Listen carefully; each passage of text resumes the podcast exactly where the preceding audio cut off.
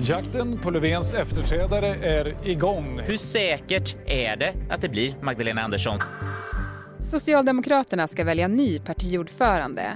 Men medan andra partiers processer blivit öppnare fortsätter dörrarna vara stängda på Sveavägen 68. Vi kommer att sammanträda. Eh, jag kommer att kalla till möte och vi kommer att eh, fundera hur vi lägger upp det och sen ge besked. På en kvart får du veta varför Socialdemokraterna sluter sig och varför man ska säga nej på frågan om man vill bli partiledare. Det är onsdag den 25 augusti. Jag heter Alexandra Karlsson och det här är dagens story från Svenska Dagbladet.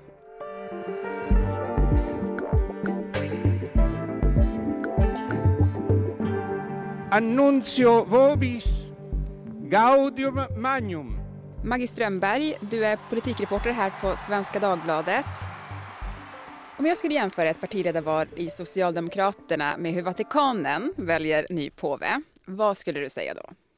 Det är en ganska klassisk jämförelse som eh, används. Det var faktiskt, jag pratade med en socialdemokrat eh, samma dag som Löfven avgick, alltså i söndags, som använde den liknelsen. En som är lite kritisk mot processen som sa att ska vi nu vänta på att Elvi Söderström, valberedningens ordförande, låser in sig tills det kommer röd rök ur hennes näsa och sen ska vi alla ställa oss upp och jubla. Habemus papam.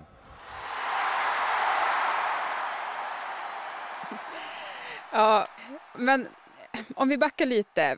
Hur ser processen ut när Socialdemokraterna ska välja en partiordförande?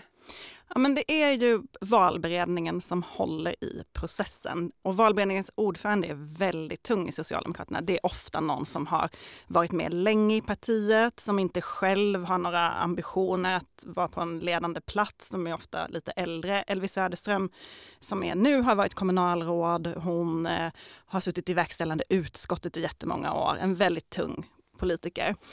Hon har då en valberedning och de pratar med partiet, de eh, pratar med distrikten och sen eh, så brukar de intervjua kandidater ofta eller andra tunga personer som kan bli aktuella i partiledningen. Men det är ju inte det här som man har sett som är trenden i svensk politik som många andra partier håller på med, att det finns flera kandidater som reser runt och svarar på frågor där också allmänheten kan ta del av partiets partiledarval. Det är mycket mer slutet och sker inte alls på den mediala arenan på det sättet. För det är väl så, de sitter och gör det här arbetet och sen så har de en kandidat som de vet kommer bli vald på kongressen. Ja, precis. Då har man ju sett till att den kandidat som eh, man för fram har stöd i partiet. Det som komplicerar valet lite är ju att de socialdemokratiska distrikten är ju ganska uppdelade och man brukar prata om vänsterdistrikt och högerdistrikt. Och alla vänsterdistrikt är inte överens och alla högerdistrikt är inte överens och därför har vi sett de här stora striderna ibland i partiledarvalen där distrikten bråkar med varandra, in, inte kan komma överens och det blir ganska svåra partiledarval som också skapar sår i partiet som varar länge. Men det här när man säger att processen är sluten, vad är det man egentligen menar med det? För det kan ju vara att det kommer utifrån, alltså till exempel journalister som surar lite över att man inte får mer insyn. Eh, men är det även internt som man hör det där? Alltså om man lyssnar på Elvis Söderström nu så säger hon vi har en öppen process. Och så ser många socialdemokrater det, för de tänker på en tid ännu längre tillbaka när det var vanligt att valberedningens ordförande bara pratade med några få som den personen tyckte var viktig och så var det en väldigt liten grupp som valde partiledaren. Idag när alla distrikt får tycka till och man har, har mer samtal, man hämtar in synpunkter från partiet, ibland reser man till och med runt och träffar avdelningar och sådär. Då tycker många socialdemokrater att det har blivit mycket öppnare. Men det är ju ändå långt ifrån det här med att flera kandidater anmäler sig, presenterar sitt program och att man sen väljer mellan dem. Och det är den kritiken som man hör lite grann nu från till exempel den här vänsteravdelningen Reformisterna som tycker att eh, det måste vara mycket mer öppet, vi måste veta vad partiledaren vill, det måste samspela mer med den politik som ska tas på kongressen i höst. Vilka som vill är hemligt, vilka som diskuterar med valberedningen är hemligt. Jag tror att man måste öppna upp det här så att man får en diskussion om linjen. Du har ju varit lite inne på det, men, men hur skiljer sig Socialdemokraternas process åt då, om man jämför med andra partier? Socialdemokraterna och Moderaterna har en ganska lik process.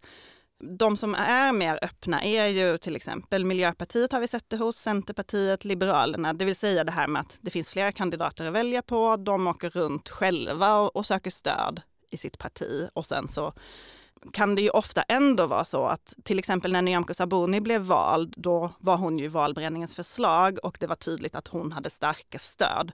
Då drog de andra sig tillbaka, medan Miljöpartiet ofta har omröstning på sin kongress. Det skulle Socialdemokraterna aldrig ha, för för dem är det så viktigt att säga att hela partiet sluter upp. Det finns en rädsla att en sån process i sig skulle skapa splittring i partiet. För ett litet parti som Liberalerna till exempel som kämpar för att få medieuppmärksamhet så är det också ganska bra att liksom ha den där långa processen där kandidaterna blir intervjuade jättemycket, man syns jättemycket. Det, det behovet har ju inte Socialdemokraterna och Moderaterna på samma sätt. Men, och, och varför är processen så sluten just Socialdemokraterna? För man kan väl tänka sig att det kan ändå bli konflikter och sådär, även om processen är sluten, än om man skulle ha den liksom öppen, att det kan bli samma typer av konflikter. Men är det att man inte vill visa dem utåt då? Jag tror att det handlar väldigt mycket om tradition. Det är så det har gått till. Man anser att det här är det bästa sättet att få fram en partiledare. Sen har det ju funnits efter både eh, när Håkan Juholt tillträdde och eh, liksom striderna kring honom och Mona Sahlin så fanns det diskussioner om att det är just den slutna processen som skapar det här. Vi måste öppna upp partiet mer. Ja, sällan har Socialdemokraternas valberedning varit i så mycket fokus som under Håkan Juholt. I mars 2011 meddelade valberedningens dåvarande ordförande Berit Andnor att man föreslog Juholt som ny partiordförande. Beskedet kom som en chock för många. Även om Juholt var en erfaren riksdagsledamot hade han aldrig tidigare varit i närheten av toppuppdrag i partiet. Och nu skulle han alltså bli ny ledare. Vad som hände sen är för alltid inskrivet i Socialdemokraternas partihistoria. Men varför Juholt valdes och hur processen egentligen såg ut har ingen i den dåvarande valberedningen velat kommentera. Man ska kunna lita på att det som sägs i valberedningar och det som görs där, att det stannar där. Vissa lärdomar har dock partiet tagit med sig. Den valberedningen har ju i efterhand fått kritik för att ha varit väldigt sluten som du säger, för att man, att man då ganska mycket låste in sig. Man förde inte dialog med partiet. De som satt i valberedningen blev tillsagda att stänga av sina mobiler och inte prata med någon. Det har man ju velat komma bort ifrån. Men om man ser den partiledarvalsprocess som kom efter det, alltså när Stefan Löfven eh, valdes väldigt snabbt efter att Håkan Juholt hade avgått i den här stora S-krisen Eh, han föreslogs av verkställande utskottet och valdes av partistyrelsen, så då fanns det ingen valberedning inne överhuvudtaget. Han är ju faktiskt tillsatt av liksom, partieliten. Sen blev han vald på en kongress året efter, men, men han är ju den som har faktiskt kommit till på det mest slutna sättet. Och där det kanske inte varit så mycket debatt om det? Nej, just då var ju Socialdemokraterna i sin värsta kris någonsin med opinionssiffror som var så låga så att partiet var ju rädd, man var ju rädd att man skulle försvinna som parti. Så då var man nog mest glad att någon ville ta på sig uppdraget överhuvudtaget. Om vi går in på eh, processen som pågår nu då. Många tolkade ju Stefan Löfvens tal som han höll som att han ville se Magdalena Andersson som sin efterträdare. Men vilka möjligheter att påverka har Stefan Löfven? Alltså framför allt tror jag att han har möjlighet att påverka genom den tid han väljer att avgå. Det är nu kort fram till valet, det är kort fram till den här kongressen då partiledarna ska utses och det är en väldigt komplicerad budgethöst. Det talar för att det kommer bli en person eh, med statsrådserfarenhet som redan idag är väldigt inne i samarbetet med Centerpartiet och Vänsterpartiet och då finns det inte Eh, så många kandidater. Sen har ju han verkligen lyft fram Magdalena Andersson vid, många tillfällen, men det har han också gjort med andra partiledare. Han har ju varit så som partiledare att han gärna själv har tagit ett steg tillbaka och lyft fram andra. Så det är ju många som har haft möjlighet att synas under hans partiledartid. Men jag tror att tidsaspekten faktiskt är den viktigaste här för att kunna styra. Sen är det inte alltid så att det är bra att vara den gamla partiledarens favorit. Det kan ju också bli ett problem om man känner att eh, man måste göra upp med någonting. Men den känslan tror jag inte riktigt finns i Socialdemokraterna just nu. Eh, hade han avgått efter en valförlust, då hade den verkligen funnits. Då hade det kommit en diskussion om att nu måste vi prata om vad det här partiet ska vara. Ska vi gå i en helt annan riktning? Och då hade det kunnat bli mycket, mycket stökigare.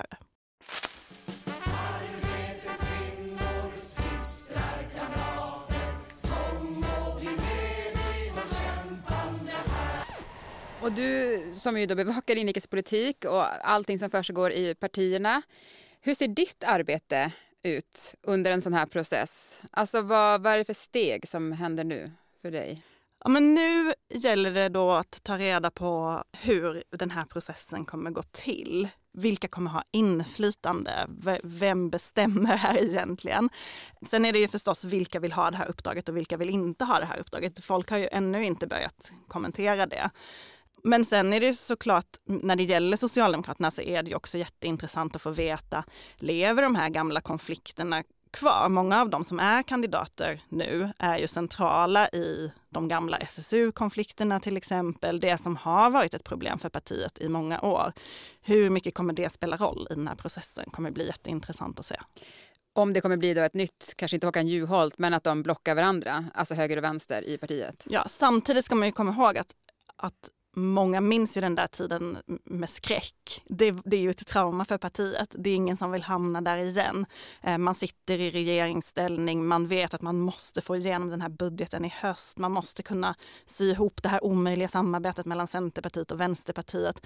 Allt det talar för att man nog kommer samla sig i partiet och hitta den bästa kandidaten som alla kan stå bakom. Mm. Det känns som att det fanns en period eh, där sättet man visste att en sosse ville bli partiledare det var att den svarade nej på frågan om den ville bli partiledare. Eh, hur har det låtit hittills från toppkandidaterna?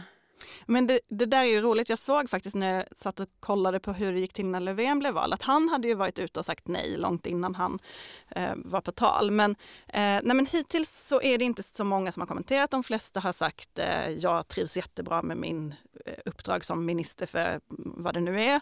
Eh, och sen så får den här diskussionen föras med valberedningen. Och det finns ju någonting i att man inte heller vill gå ut och kanske säga ett tydligt nej så här tidigt i processen. Man vill liksom inte hålla på och rubba sådär. Det är ingen som riktigt har sagt ett hårt nej än i alla fall. Um, tanken med det där med att man ska säga nej eller att man inte får säga ja, det bottnar väl kanske i två saker. Dels att Mona Sahlin en gång sa ja, jag vill bli. Hon fick jättemycket negativa reaktioner på det.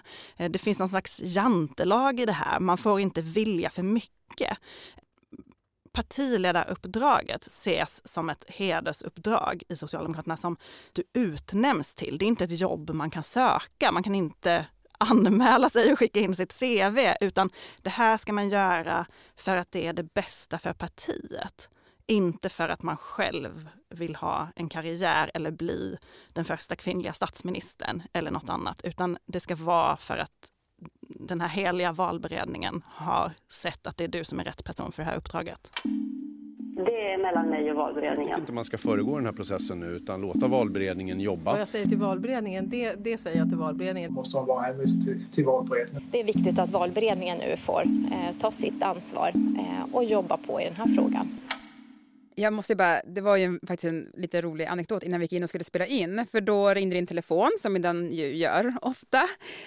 Och sen så hörde man bara dig svara att du, jag ska ge ett möte, så här, men kommer hen meddela att den ska kandidera? Och då hörde man bara från andra sidan luren att bara, nej, nej, nej, nej, nej, så lite skratt. Um, ja, men det är mycket ringande nu och mycket frågor. Verkligen. Mm. Och det är ju många, man märker ju alltid i sådana här lägen att nu är det många som vill ha Eh, sin verklighetsbeskrivning. Eh, de kan prata, man pratar gärna om andra kandidater till exempel. Den här verkar vilja väldigt mycket, en sån sak som, de, som vissa kan säga, för det anses ju lite dåligt och då vill man sätta bilden av det till exempel. Det är roliga tider för en politikreporter kan man säga. Mm, jag förstår det. Ja, men till sist då, Maggie, det har ju bara börjat den här processen, men, men kan man redan nu skönja lite grann hur den kommer se ut den här gången? Men det är ju spännande det här med att Magdalena Andersson är en så tydlig eh, efterträdare. Liksom, hon är favorittippad nu av alla. Jag såg att Leif Pagrotsky, den gamla ministern, skrev på Facebook igår att eh, en lite sur kommentar om att journalisterna och förståsigpåarna har ju haft fel varje gång. Det var ingen som tippade Löfven, Juholt, eh, Göran Persson, Salin, att eh, det, ja, man vet aldrig. Det kan hända så himla mycket. och Man vet ju faktiskt inte om hon vill än, även om det ser ju verkligen ut som att hon vill. Men eh, så att ja, det, det händer ju ofta att man medialt låser sig vid någonting. Många trodde att Erik Ullenhag skulle bli partiledare för Liberalerna till exempel. Eh, det höll ju många bedömare fast vid väldigt länge och blev förvånade när det blev Nyamko Sabuni. Så vi får väl se. Mm, fortsättning följer. Tack Maggie Strömberg, politikreporter här på Svenska Dagbladet för att du kom till Dagens Story. Tack. Och Maggies texter hittar du förstås på svd.se. Och för att du inte ska missa turerna kring partiledarvalet kan du få två månaders digital läsning gratis. Du får tillgång till alla nyheter, reportage och analyser på svd.se och även SVDs morgonrapport. Gå in på svd.se prova. Producent för dagens avsnitt var Daniel Persson Mora. Redaktör var Maria Jelmini och jag heter Alexandra Karlsson.